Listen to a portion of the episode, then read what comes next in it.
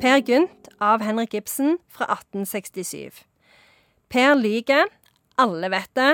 Ingen spør hvorfor. Det gjør jeg ei. Så bann på det. Hvem er det du ser for deg, da? Når du, Toralf Maurstad.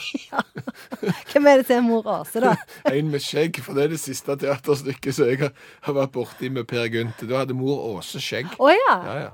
Det var sånn spennende nytolkning. Ja, ja, det var nybrottsarbeid. Mm. Absolutt. Per Gynt er noe som eh, alle har vært borti i en eller annen sammenheng, eller alle burde ha vært borti i en eller annen sammenheng. Ja. Eh, hva handler det om? Per Gynt han sliter jo.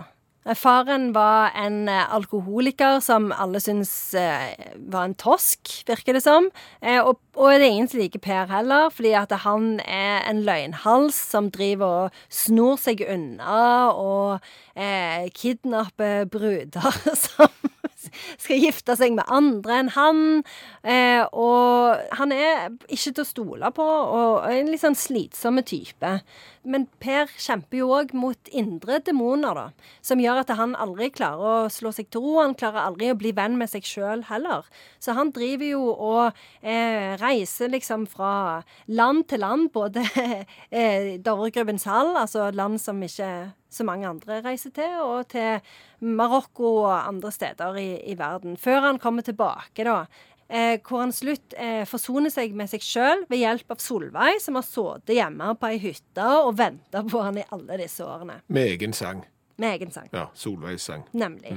Men, men, men dette, du sitter jo med boka foran her, og det, den har jo perm og ser ut som en bok, men det er et teaterstykke. Det er et teaterstykke, det er det. Og det er jo ingen grunn til at en ikke skal kunne lese eh, dette teaterstykket som, som en ville lest en roman. Men Eh, er det sånn at vi burde vært flere, da? For eksempel at jeg leste Per, og du leste for eksempel Mor Åse og sånn? ja, Det hadde jeg ikke tenkt på, men det kunne jo vært litt gøy. Jeg kan jeg anbefale for sånne litteraturgrupper at de dramatiserer det litt.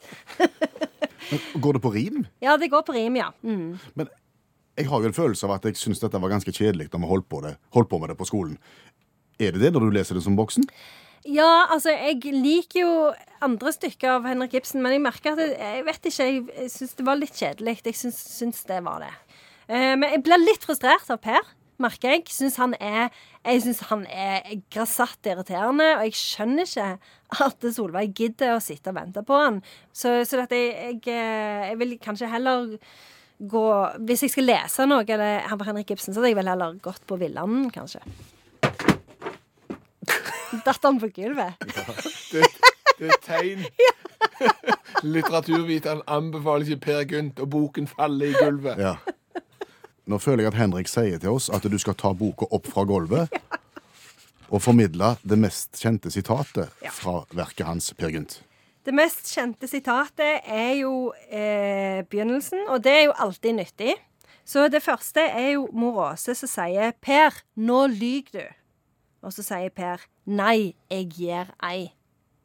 Vil du oppsummere Per Gunt, for oss? Ja, det kan jeg godt. Her har du en rabagast som både rir på bukker og går utenom, og som hele veien prøver å sno seg vekk og, og lyge og, og greier. Og det er klart at du har jo et problem eh, som leser av Per Gynt, hvis du ikke kan se for deg Per Gynt-skikkelsen uten å se bildene av Toralf Maurstad inni hodet, og der skal Solveig sitte i andre enden og vente.